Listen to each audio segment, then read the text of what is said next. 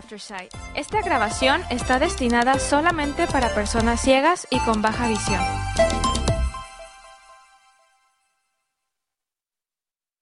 La programación regular de este podcast no está disponible en este momento. Esperamos que disfrute de esta transmisión especial de AINC. Gracias por acompañarnos. El día de hoy, martes 27 de febrero de 2024, a la lectura de Telemundo Denver. Mi nombre es Janet Beatty. Estos son los principales artículos que leeremos hoy. Acuerdo de cese del fuego en Gaza entraría en vigor en solo días, según Biden, por The Associated Press. La sonda que alcanzó la Luna dejaría de funcionar este martes tras caer de costado por Marsha Dunn y The Associated Press. Biden se reunirá con líderes del Congreso antes de la fecha límite para el cierre del gobierno. Por Scott Wong, Frank Thorpe V, NBC News. Y continuaremos con algunos artículos diversos acuerdo de cese del fuego en Gaza entraría en vigor en solo días, según Biden. Casi 30.000 personas han muerto en el territorio palestino, dos tercios de ellos mujeres y niños, según el Ministerio de Salud en Gaza, por The Associated Press. El presidente Joe Biden dijo el lunes que espera que un cese del fuego entre Israel y Hamas que suspenda las hostilidades y permita la liberación de los rehenes restantes pueda entrar en vigor a principios de la próxima semana. Cuestionado sobre cuándo creía que podría iniciar el cese del fuego, Biden respondió, espero que para principios del fin de semana finales del fin de semana. Mi asesor de seguridad nacional me dice que estamos cerca, estamos cerca, aún no está concluido. Mi esperanza es que para el próximo lunes tengamos un cese del fuego. Biden hizo sus comentarios desde Nueva York después de grabar una emisión del programa Late Night with Seth Meyers de la cadena NBC. En estos momentos se llevan a cabo negociaciones para un cese del fuego entre Israel y Hamas que permita la liberación de los rehenes que mantiene la milicia en Gaza a cambio de la excarcelación de cientos de prisioneros palestinos. La propuesta de una pausa de seis semanas en los combates también incluiría el ingreso de cientos de camiones al día para la distribución de ayuda urgente en Gaza.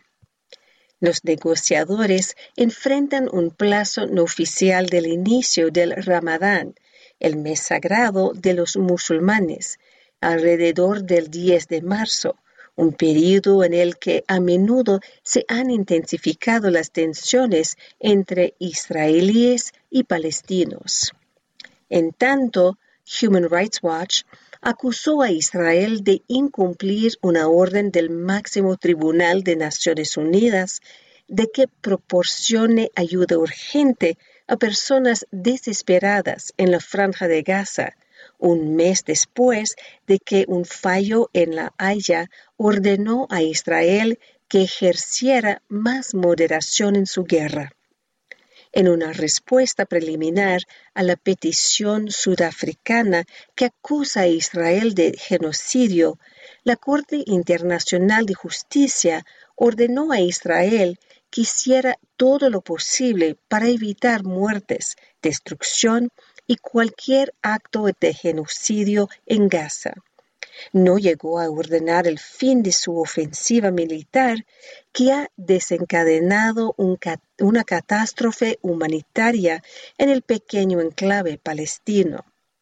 Israel refuta los cargos en su contra y dice que libra una guerra de autodefensa. Después de casi cinco meses de guerra, Israel se prepara para ampliar su operación terrestre hacia Rafah. la localidad más meridional de Gaza, junto a la frontera con Egipto y donde 1,4 millones de palestinos se han resguardado en busca de seguridad. La oficina del primer ministro israelí, Benjamin Netanyahu, dijo el lunes que el ejército había presentado al gabinete de guerra su plan de operación para Rafa y planes para desalojar a los civiles de las zonas de combate. No dio más detalles. En la situación en Rafa ha despertado preocupación internacional. Los aliados de Israel han advertido que debe proteger a los civiles en su lucha contra Hamas. También el lunes, el primer ministro palestino, Mohamed Shtaye, presentó la renuncia de su gobierno y se tiene previsto que el presidente Mahmoud Abbas designe a tecnócratas en línea de las demandas estadounidenses de una reforma interna. Washington quiere que una autoridad palestina reformada gobierne la franja de Gaza una vez que haya terminado la guerra, con vistas a una eventual creación de un Estado escenario que Israel rechaza. En su fallo del 26 de enero, la Corte Internacional de la Justicia ordenó a Israel que adoptara seis medidas provisionales, incluida la de tomar medidas inmediatas y efectivas para permitir la prestación de servicios básicos necesitados con urgencia y la asistencia humanitaria para Gaza. Israel también debe presentar un reporte sobre lo que hace para cumplir las medidas en un periodo de un mes. El Ministerio de Asuntos Exteriores de Israel indicó la noche de lunes que ya había presentado su informe. Se negó a revelar o discutir su contenido. Israel informó el domingo, ingresaron a Gaza 245 camiones con ayuda humanitaria. La cifra es menos de la mitad de los que entraban a diario al territorio antes de la guerra. Cuestionan a Israel por impedir ingreso de ayuda.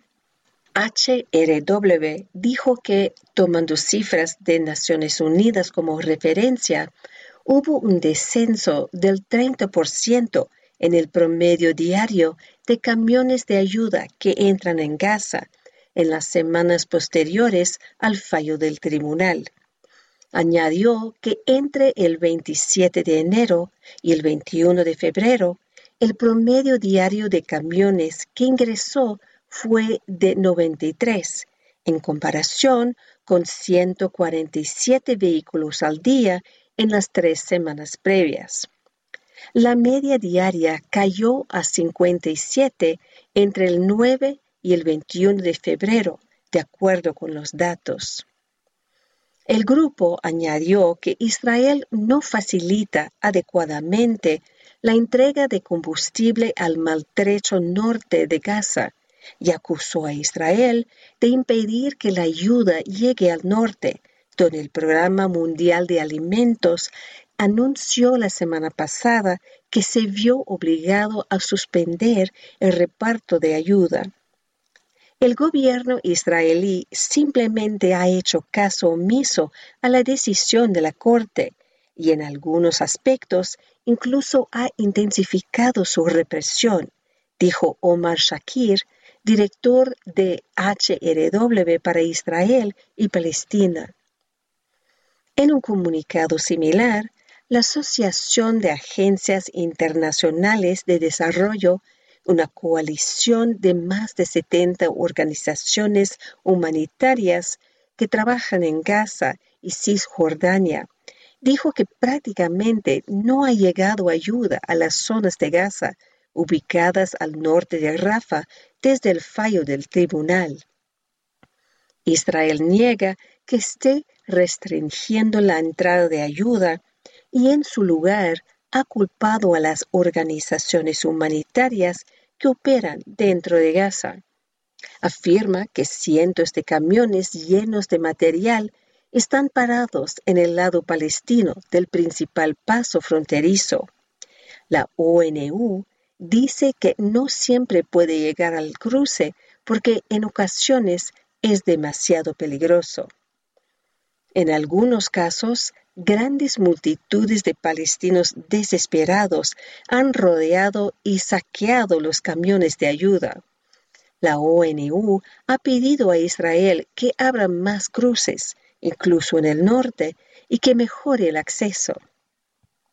La oficina de Netanyahu también dijo el lunes que su gabinete de guerra ha aprobado un plan para llevar ayuda humanitaria a Gaza de forma segura y de una forma que pueda prevenir los casos de saqueo. No reveló más detalles. La guerra, iniciada después de que cambiantes liderados por Hamas atacaron el sur de Israel, donde murieron unas 1.200 personas, la mayoría civiles, y unas 250 fueron tomadas como rehenes, ha generado una devastación inimaginable en Gaza. El mortal saldo que ha dejado la guerra. Casi 30.000 personas han muerto en el territorio palestino, dos tercios de ellos mujeres y niños, según el Ministerio de Salud en la Gaza, que no distingue entre civiles y combatientes. Israel dice haber matado a 10.000 combatientes sin presentar pruebas. Los combates han destruido amplias extensiones de las urbes de Gaza y han desplazado a cerca del 80% de sus 2.3 millones de habitantes, que se han hacinado en espacios cada vez más pequeños en busca de una esquiva seguridad. La crisis ha puesto a una cuarta parte de la población en riesgo de morir de hambre y planteado temores de una hambruna inminente, especialmente en el norte del territorio, que fue el primer objetivo de la invasión terrestre israelí. Los hambrientos residentes se han visto obligados a comer forraje para animales perdón, y a buscar comida en edificios derruidos. Deseo la muerte para los niños porque no puedo conseguirles pan, no puedo darles de comer, no puedo alimentar a mis propios hijos, gritó angustiado Naim Abusedo mientras esperaba por ayuda en Ciudad de Gaza. ¿Qué hicimos para merecer esto? Bushra Khalidi, de la organización humanitaria británica Oxfam, dijo a The Associated Press que ha verificado reportes sobre niños que han muerto de hambre en el norte en las últimas semanas, algo que indica que la ayuda no se está incrementando pese al fallo judicial.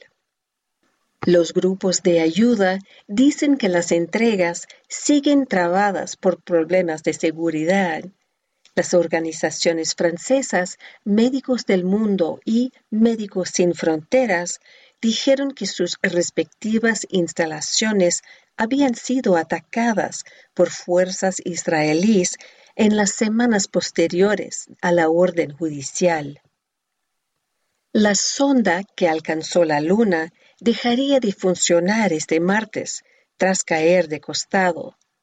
Su aproximación del jueves fue demasiado rápida y una de sus seis patas se quedó atorada en la superficie, lo que provocó que se volteara, indicaron miembros de la compañía, por Marsha Dunn y The Associated Press. Cabo Cañaveral, Florida. Se prevé que la sonda de una compañía privada estadounidense que alcanzó la Luna deje de funcionar este martes, viendo reducida su misión luego de caer de costado cerca del polo sur del satélite.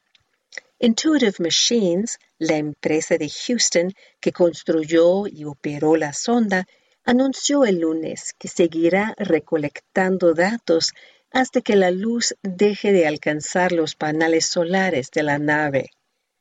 Basándose en la posición de la Tierra y la Luna, los encargados anticipan que eso ocurra este martes por la mañana, es decir, dos o tres días menos que la semana que tenían prevista la NASA y otros clientes. La sonda Odysseus es la primera nave estadounidense en alcanzar la superficie lunar en más de 50 años y lleva consigo experimentos de la NASA, su principal patrocinador. Pero su aproximación del jueves fue demasiado rápida y una de sus seis patas se quedó atorada en la superficie, lo que provocó que se volteara, indicaron miembros de la compañía. Según fotografías del orbitador de reconocimiento lunar LRO por sus iniciales en inglés, de la NASA que sobrevuela encima, Odysseus cayó a menos de una milla de su objetivo cerca del cráter Malapert A y a tan solo alrededor de 185 millas del polo sur del satélite natural. Las imágenes borrosas que captó el LRO a 56 millas de altura son las únicas que muestran la sonda en la superficie, pero en ellas apenas se puede observar un punto. Un experimento de la Universidad Aeronáutica Embry-Riddle para expulsar una cámara y captar imágenes de la sonda durante el descenso fue cancelado poco antes de que alcanzara la superficie lunar debido a un problema de último momento con la navegación. Según la NASA, la sonda cayó en un pequeño cráter y con una inclinación de 12 grados. Esto es lo más cerca que una nave espacial ha estado del polo sur de la Luna, una zona de interés debido a la presunta presencia de agua congelada en los cráteres ahí, que jamás reciben la luz solar. Biden se reunirá con líderes del Congreso antes de la fecha límite para el cierre del gobierno. Una vez más, los legisladores se apresuran a evitar una catástrofe que ellos mismos han provocado. Deben cumplir dos plazos para financiar el gobierno, uno el viernes por la noche y otro la próxima semana. Por Scott Wong, Frank Thorpe V NBC News. Washington, D.C. El presidente Joe Biden se reunirá con los cuatro principales líderes del Congreso en la Casa Blanca este martes, mientras luchan por enviar ayuda militar a aliados extranjeros y evitar un cierre parcial del gobierno al final de la semana.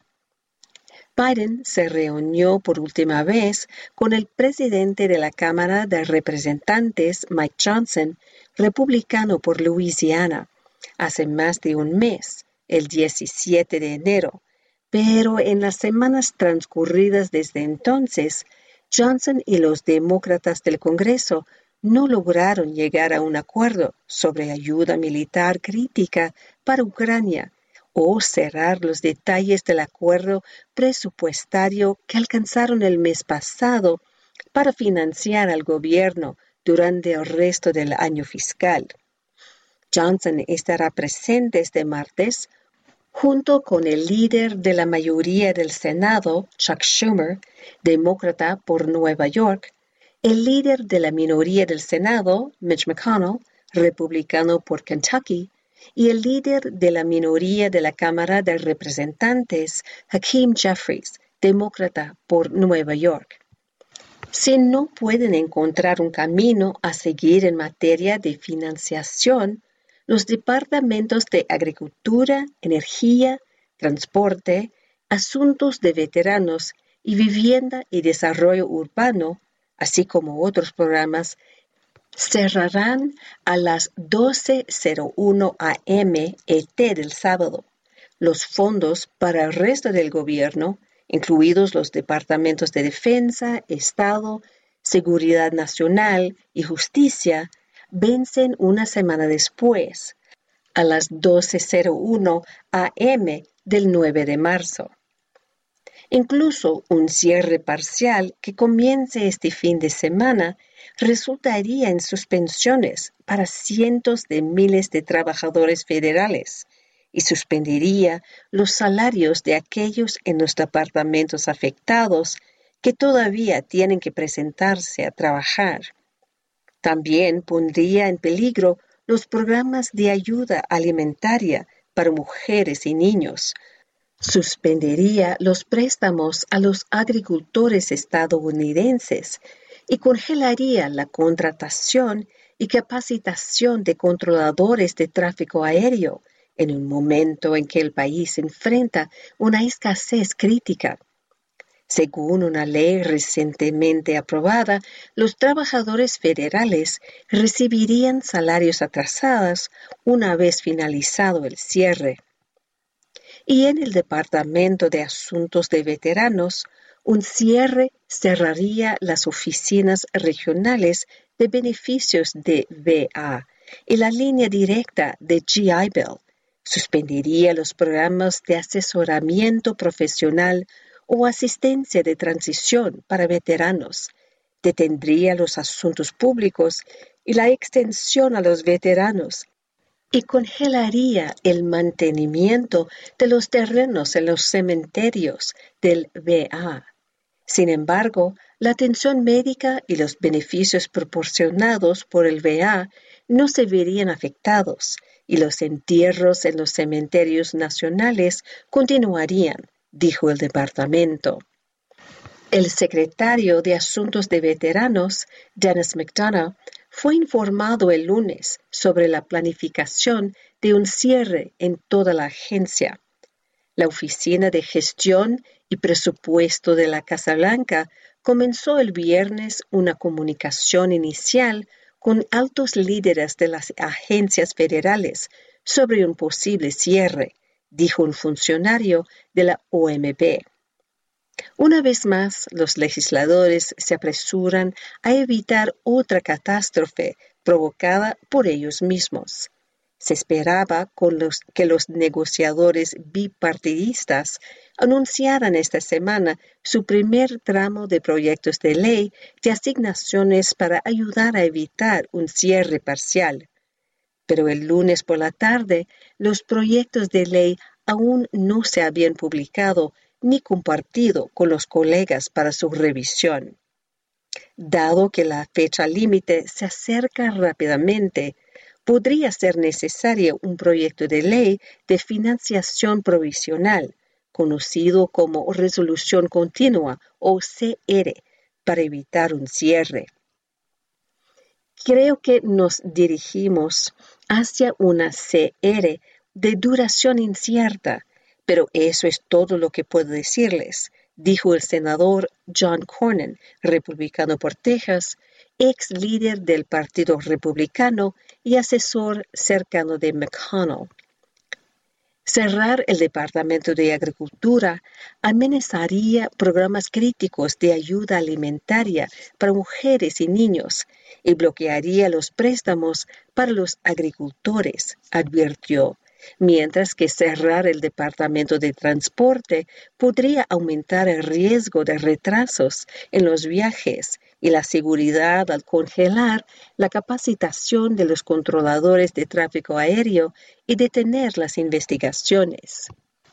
Visita de campaña. Nikki Haley llega a Colorado este martes, a pocos días de las primarias.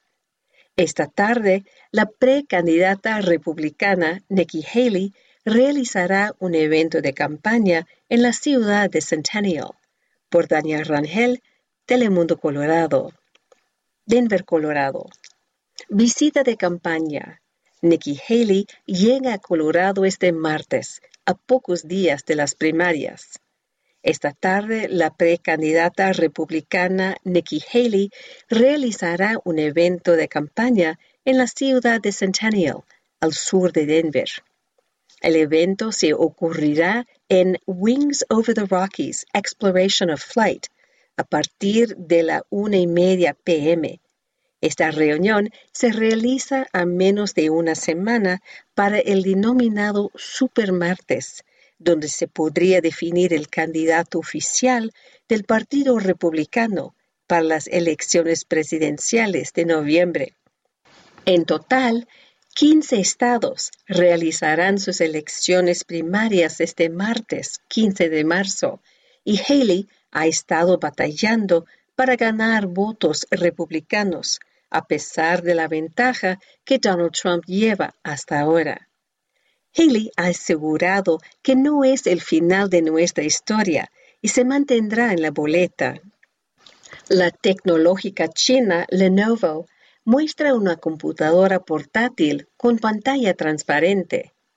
El mayor fabricante de PC del mundo intenta innovar después de un par de años brutales para el mercado. Por Arjun Karpal, CNBC. El gigante tecnológico chino Lenovo mostró el lunes un prototipo de computadora portátil que tiene una pantalla transparente, lo que subraya cómo el mayor fabricante de PC del mundo está tratando de innovar después de un par de años brutales para el mercado. La computadora portátil está equipada con un trackpad que cuenta con un teclado táctil y un lápiz óptico para dibujar o navegar. La pregunta obvia es, ¿por qué querrías este tipo de dispositivo? Lenovo mostró algunas de sus capacidades. Un representante que dirigió una demostración para CNBC colocó un girasol artificial detrás de la pantalla. La cámara integrada en la computadora portátil pudo identificar el objeto como un girasol y luego proporcionar información sobre él, utilizando tecnología de inteligencia artificial. Otro uso, dijo el representante, es en un escenario de construcción. Por ejemplo, si un arquitecto está diseñando una ampliación de una casa, podría verla a través de la pantalla y utilizar el lápiz óptico para dibujar su diseño e imaginar cómo se vería. Como toda nueva tecnología, a menudo puede haber usos que aún no se han imaginado. La tecnología es similar a la realidad aumentada en algunos sentidos. La AR que se ha popularizado con gafas o auriculares como los Vision Pro de Apple, es cuando el contenido digital se superpone al mundo real que ves frente a ti. Dado que la computadora portátil es un producto conceptual, Lenovo no tiene planes de vender el dispositivo. Sin embargo, los fabricantes de PC miran hacia el futuro después de un par de años difíciles. Las ventas de PC se dispararon durante el apogeo de la pandemia de COVID-19, pero cuando la gente volvió a trabajar, comenzaron a caer. El año pasado, los envíos de PC cayeron casi un 15% interanual, según Gartner. El gigante tecnológico chino mostró el dispositivo en el Mobile World Congress de Barcelona, la feria comercial de la industria móvil más grande del mundo. Lenovo tiene un historial de provocar dispositivos conceptuales para demostrar su capacidad de innovar. El año pasado, en el MWC, Lenovo mostró un teléfono inteligente que tenía una pantalla que se enrollaba. Macy's cerrará unas 150 tiendas, pero abrirá otras con mejores ubicaciones. Te decimos dónde. En una entrevista con CNBC este martes, Spring dijo que la compañía está reestructurando su huella de tiendas después de analizar detenidamente qué tiendas están en los lugares correctos y cuáles no. Por Melissa Repko y CNBC.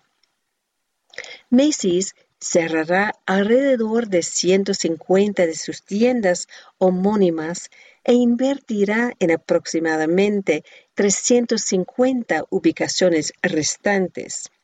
También abrirá nuevas sucursales de sus cadenas Bloomingdale's y Blue Mercury.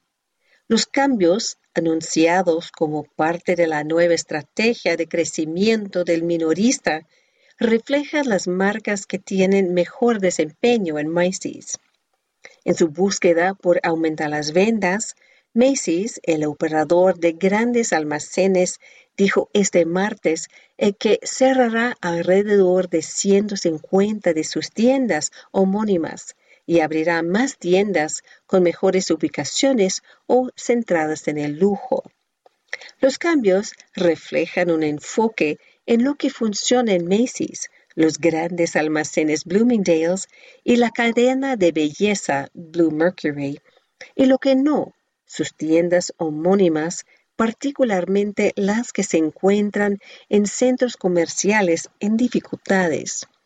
En sus resultados del trimestre navideño publicados el martes, el minorista dijo que sus grandes almacenes Macy's obtuvieron peores resultados que Bloomingdale's y Blue Mercury.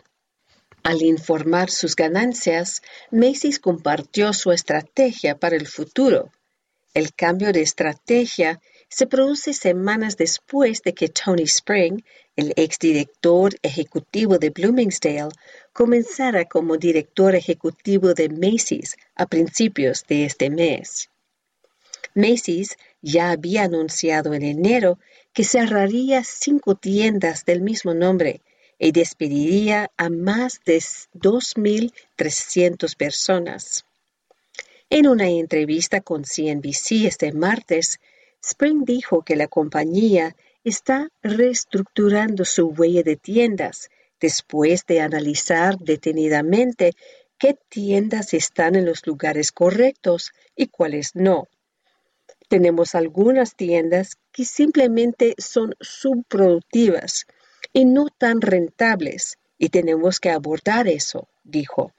Por el contrario, tenemos tiendas que son muy productivas y muy rentables tenemos mercados, tiendas y centros en los que no estamos hoy y en los que nos gustaría estar. Las ventas en las tiendas del mismo nombre de Macy's son las que más se han retrasado y ese negocio verá los mayores cambios. A continuación, presentamos un vistazo más de cerca a los anuncios de las principales tiendas Macy's desglosados por marca de tienda. La compañía planea cerrar alrededor de 150 tiendas, incluidas 50 que cerrarán a principios de 2025. No ha compartido esas ubicaciones, pero dijo que son improductivas. Las tiendas que ya había dicho que cerrarían están ubicados en Arlington, Virginia, San Leandro, California, Hui, Hawaii, Simi Valley, California y Tallahassee, Florida. Las tiendas cerrarán temprano este año. Por otro lado, Macy's dijo que impulsará las inversiones en las aproximadamente 350 ubicaciones del mismo nombre que permanecerán abiertas. Por ejemplo, Spring dijo en una entrevista con CNBC que la compañía está probando cómo puede mejorar el servicio al cliente en 50 de sus tiendas. En el trimestre más reciente, agregó o trasladó empleados a diferentes roles en esas ubicaciones, como ofrecer más apoyo en el departamento de probadores y calzado, la compañía también sigue adelante con su estrategia de abrir tiendas Macy's más pequeñas en centros comerciales suburbanos. El año pasado anunció que abriría hasta 30 tiendas en los próximos dos años. Las ubicaciones son aproximadamente una quinta parte del tamaño de las tiendas tradicionales de los centros comerciales. Spring dijo a los inversores en una conferencia telefónica sobre resultados que existe una marcada diferencia entre las tiendas Macy que la compañía está cerrando y las que permanecerán abiertas. Las 150 tiendas que cerrarán representan el 25% de los metros cuadrados de Macy's, pero menos del 10% de sus ventas, dijo son subproductivos y tenemos que centrarnos en asegurarnos de tener las mejores tiendas, no el mayor número de tiendas, dijo en la conferencia telefónica sobre resultados. Además de considerar la economía, dijo que un equipo de Macy's pasó unos seis o siete meses evaluando las tiendas en función de otros factores, incluida la demografía de los clientes, la demanda digital y el estado de la tienda o centro comercial. Al 4 de febrero, Macy's tenía alrededor de 500 tiendas del mismo nombre. La mayoría son ubicaciones típicas de centros comerciales, pero ese total también incluye algunas de sus tiendas más pequeñas y ubicaciones independientes de la marca de descuento de Macy's, Backstage. Bloomingdale's. Bloomingdale's, que ha superado a las tiendas del mismo nombre de Macy's, pronto tendrá más tiendas. El minorista planea abrir unas 15 nuevas tiendas Bloomingdale's durante los próximos tres años. No ha anunciado las ubicaciones específicas, pero dijo que algunas estarán en nuevos mercados. Los grandes almacenes de mayor nivel se inclinan hacia compradores de mayores ingresos y vanguardistas y venden muchas marcas de lujo populares. Al igual que su marca hermana Macy's, Bloomingdale's ha estado probando un concepto de tienda más pequeño llamado Bloomies. Al final del año fiscal más reciente, Bloomingdale's tenía 33 ubicaciones. También hay tres tiendas Bloomies y 21 outlets. Blue Mercury. Blue Mercury ha sido el punto más brillante en el desempeño del minorista. Fue la única marca de las tres que registró un crecimiento de ventas comparable en el cuarto trimestre. La cadena de belleza también crecerá en los próximos años. La empresa matriz Macy's dijo que abrirá al menos 30 nuevas tiendas Blue Mercury en los próximos tres años. También remodelará aproximadamente 30 tiendas existentes durante este tiempo. Algunos de ellos estarán en nuevos mercados, dijo la compañía. Blue Mercury ha estado probando un nuevo prototipo de tienda que incluye más servicios de spa. Ha implementado el concepto en dos ubicaciones, New Canaan, Connecticut y Bronxville, Nueva York. Macy's adquirió Blue Mercury por 210 millones de dólares en 2015. Al 4 de febrero, la cadena de belleza tiene 159 ubicaciones. CNBC. ¿Cómo puedes mantener un puntaje de crédito perfecto? Lynette Calfani Cox aumentó su puntaje crediticio de 400 a un perfecto 850 después de pasar tres años pagando su deuda. Por Cheyenne Devon, CNBC. Puede ser difícil imaginarse saliendo de una deuda de tarjeta de crédito de 100 mil dólares y aumentando su puntaje crediticio en 400 puntos. Pero es posible. Pregúntale a Lynette Calfani Cox.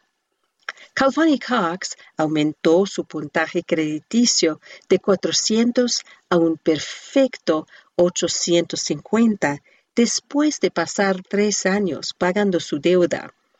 Ahora, la autora de bestsellers del New York Times enseña a otros cómo hacer lo mismo a través de sus libros, incluido el recién publicado Bounce Back, The Ultimate Guide to Financial Resilience y su plataforma de educación financiera, The Money Coach. Aunque su puntaje crediticio es de 806 en la fecha del último informe, el 20 de enero, dice que todavía recibe los mismos beneficios que cuando tenía un 850 perfecto. Esto se debe a que el puntaje más reciente de Calfani Cox todavía la ubica en la categoría de puntajo crediticio excepcional estos son los rangos que Experian define como pobre, regular, bueno, muy bueno y excepcional. Pobres, 300 a 579. Feria, 580 a 669. Bueno, 670 a 739. Muy bien, 740 a 799. Excepcional 800 a 850. Pero no necesariamente es necesario estar en el rango de 800 para obtener los términos más favorables cuando solicita algo como una nueva tarjeta de crédito o un préstamo personal, dice Calfani Fox. Durante el año pasado, su puntuación fluctuó de 755 en febrero de 2023 a 839 en agosto de ese año y luego 806 en enero de 2024. Mi puntaje FICO de 800 o 850 no me brindará mejores tasas de préstamo o términos que la persona que tiene un puntaje FICO de 760 o 780, le dice Calfani Fox a CNBC Make It. Una vez que esté en el rango de calificación crediticia perfecto, los bancos se esforzarán por hacer negocios con usted. ¿Cómo Calfani Fox se mantiene en el rango de puntaje crediticio perfecto? Dado que su historial de pagos representa el 35% de cómo se calcula su puntaje crediticio, Calfani Fox seguramente nunca dejará de realizar un pago. Tengo un historial crediticio muy largo, de más de 25 años, dice. Tengo un excelente historial de pagos y nunca dejo de realizar ningún pago. Además, Calfani Fox nunca agota todo su límite de crédito, lo que le ayuda a mantener su tasa de utilización de crédito por bajo del 10%. Su tasa de utilización de crédito es la cantidad de crédito disponible que está utilizando y cuenta como otro 30% de cómo se determina su puntaje crediticio. Los llamados estudiantes de alto rendimiento FICO, que están en el rango de 760 a 850, generalmente tienen una tasa de utilización de crédito del 10% o menos y normalmente mantengo mis cosas en esa zona, dice. Tampoco solicita nuevas tarjetas de crédito o préstamos a menos que realmente lo necesite. Esto se debe a que cuando solicita una nueva línea de crédito, los prestamistas realizan lo que se llama una investigación exhaustiva, en la que extraen su informe crediticio de una de las tres principales agencias de crédito, Experian, Equifax o TransUnion, para analizar su situación historial crediticio y tenga una idea de lo riesgoso que podría ser prestarle fondos. El grado en que una investigación exhaustiva, perdón, afecta su puntaje crediticio varía y solo representa el 10% de cómo se calcula su puntaje Sin embargo, puede reducir temporalmente su puntaje en algunos puntos, según el sitio web de FICO.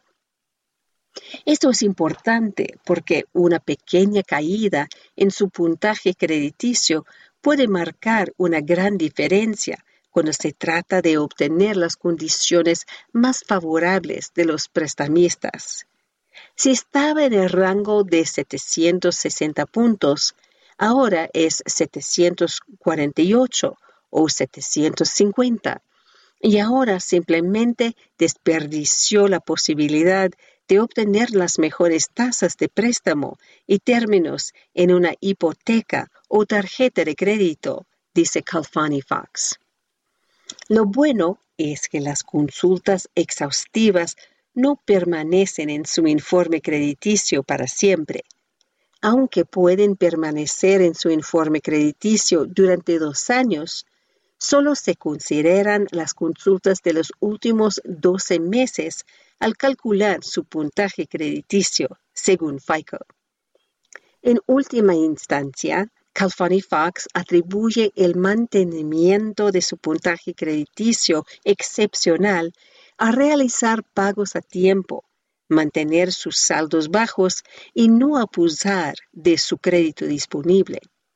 Simplemente seguir estas tres estrategias realmente me ayuda a mantenerme en ese rango de calificación crediticia perfecta de 760 a 850 puntos, dice. Tu hamburguesa de Wendy's costaría más en ciertas horas. Te explicamos por qué. La compañía planea hacer un drástico cambio en su menú y también en sus precios por Telemundo Digital. Si eres amante de la comida de Wendy's, puede que en un futuro tengas que pagar más por tu combo favorito o si lo compras a determinada hora del día. Sí, oíste bien.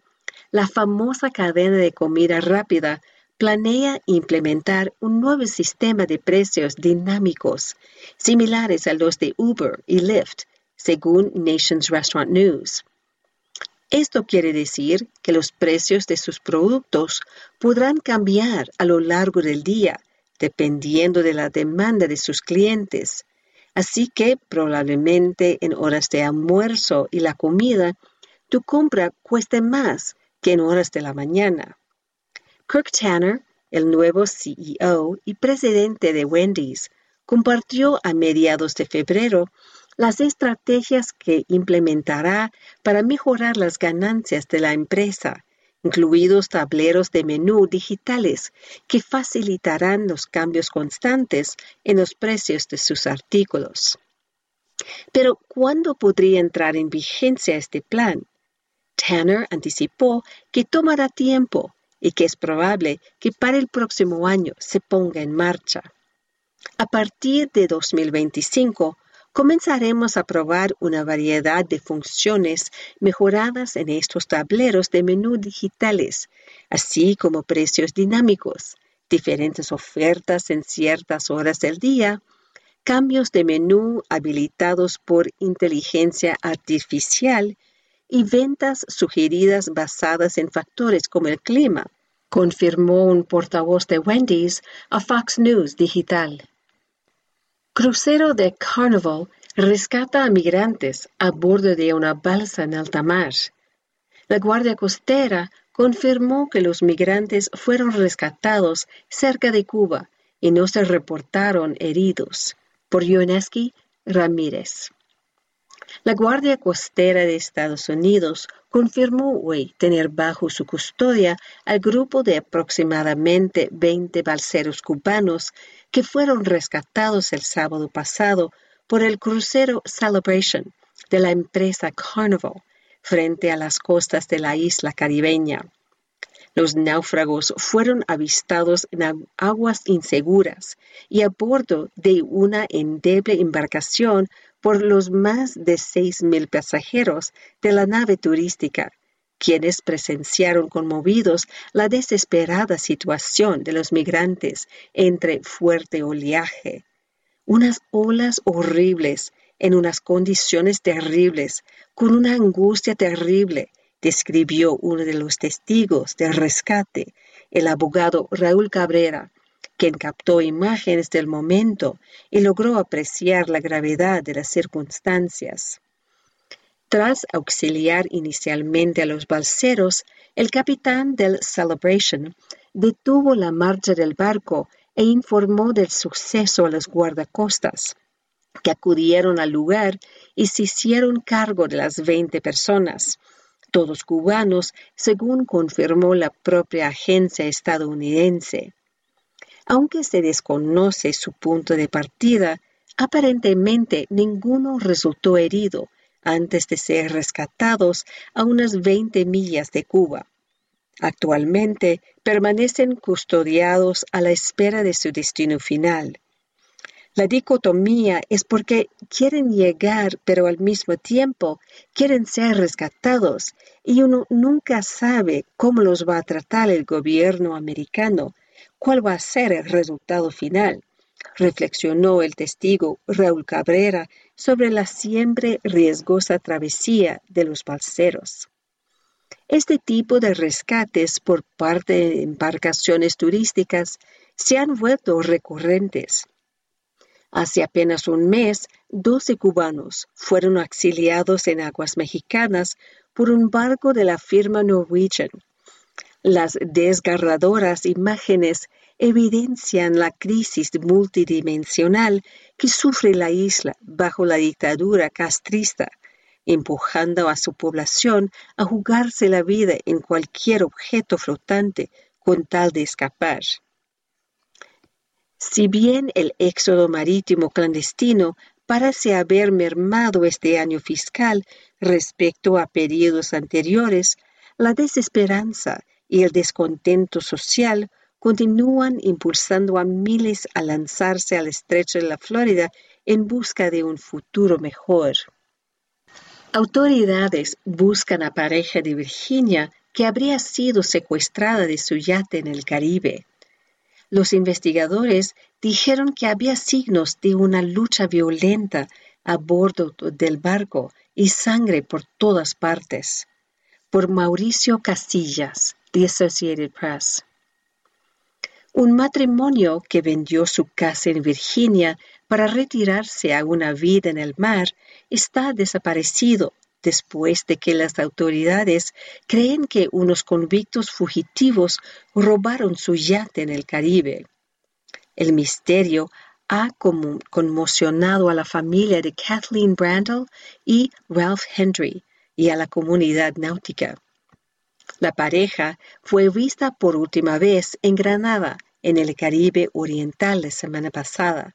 Su yate Simplicity fue descubierto anclado y abandonado en la isla de San Vicente unos días después, pero no se los encontró por ningún lado, según la organización sin fines de lucro Salty Dog Sailing Association, de la cual Brandle y Henry son miembros. Una investigación preliminar sugiere que tres prisioneros escaparon de su celda en Granada el 18 de febrero y al día siguiente secuestraron el yate en la capital, St. George. Se dirigieron a San Vicente y finalmente fueron recapturados el 21 de febrero, según la Real Policía de Granada. Ese mismo cuerpo policial cree que Brandle y Henry pueden haber muerto durante el secuestro, pero dijeron que no podían decirlo con certeza. Nick Burrow y Brian Henry dicen que lo que les pasó a sus padres, una pareja de jubilados que vendió su casa en Alexandria, Virginia, hace años para poder pasar el resto de sus días en Simplicity, es inimaginable.